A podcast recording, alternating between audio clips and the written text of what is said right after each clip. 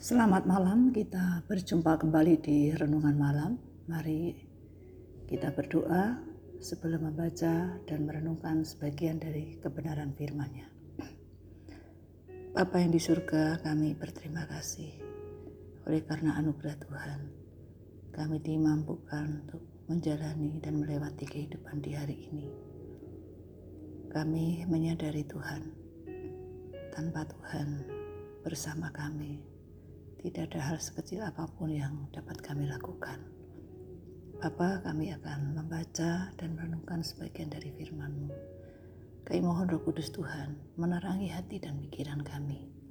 Membuat kami dapat memahami dengan benar dan dimampukan untuk menjadi pelaku-pelaku firman seperti yang Tuhan kehendaki.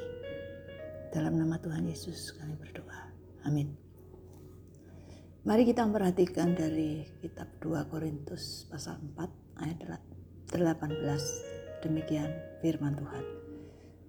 Sebab kami tidak memperhatikan yang kelihatan, melainkan yang tak kelihatan. Karena yang kelihatan adalah sementara, sedangkan yang tak kelihatan adalah kekal ketika kita sepertinya menemui jalan buntu. Dalam kondisi demikian, yang diperlukan adalah kita menghadapi fakta dengan iman.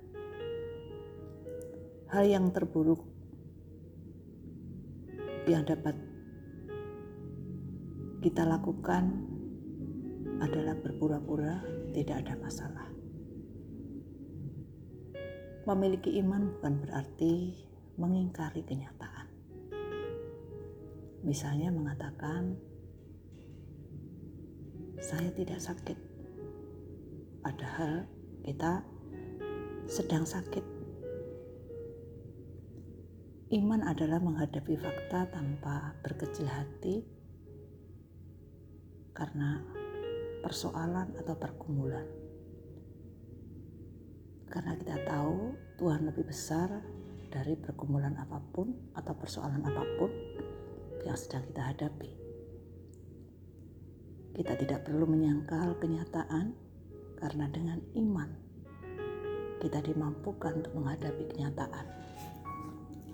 Ketika kita memiliki iman, kita percaya bahwa Tuhan dapat mengubah situasi apa pun yang kita alami Bahkan kita percaya bahwa Tuhan punya banyak cara untuk menolong anak-anaknya. Kita tidak dapat membangun apa pun dalam mimpi, tetapi dapat membangun apa pun dengan iman. Kita tidak dapat mengembangkan pelayanan atau pekerjaan dan sebagainya hanya dalam mimpi, tetapi kita dapat mengembangkan dengan iman. Kita tidak dapat membangun kehidupan di tengah-tengah dunia ini dalam mimpi, tetapi kita dapat membangun kehidupan ini dengan iman. Jika kita melihat dunia, ada banyak macam-macam masalah kita bisa putus asa, tertekan, dan sebagainya. Tetapi jika kita memiliki pengharapan di dalam Yesus, maka kita dapat menghadapi kenyataan itu dengan iman. Oleh sebab itu, marilah kita memusatkan perhatian kita bukan pada apa yang kelihatan, tetapi kepada sesuatu yang tidak terlihat. Karena yang terlihat itu bersifat sementara. Persoalan itu bersifat sementara. Bahkan apa pun itu hanyalah sementara.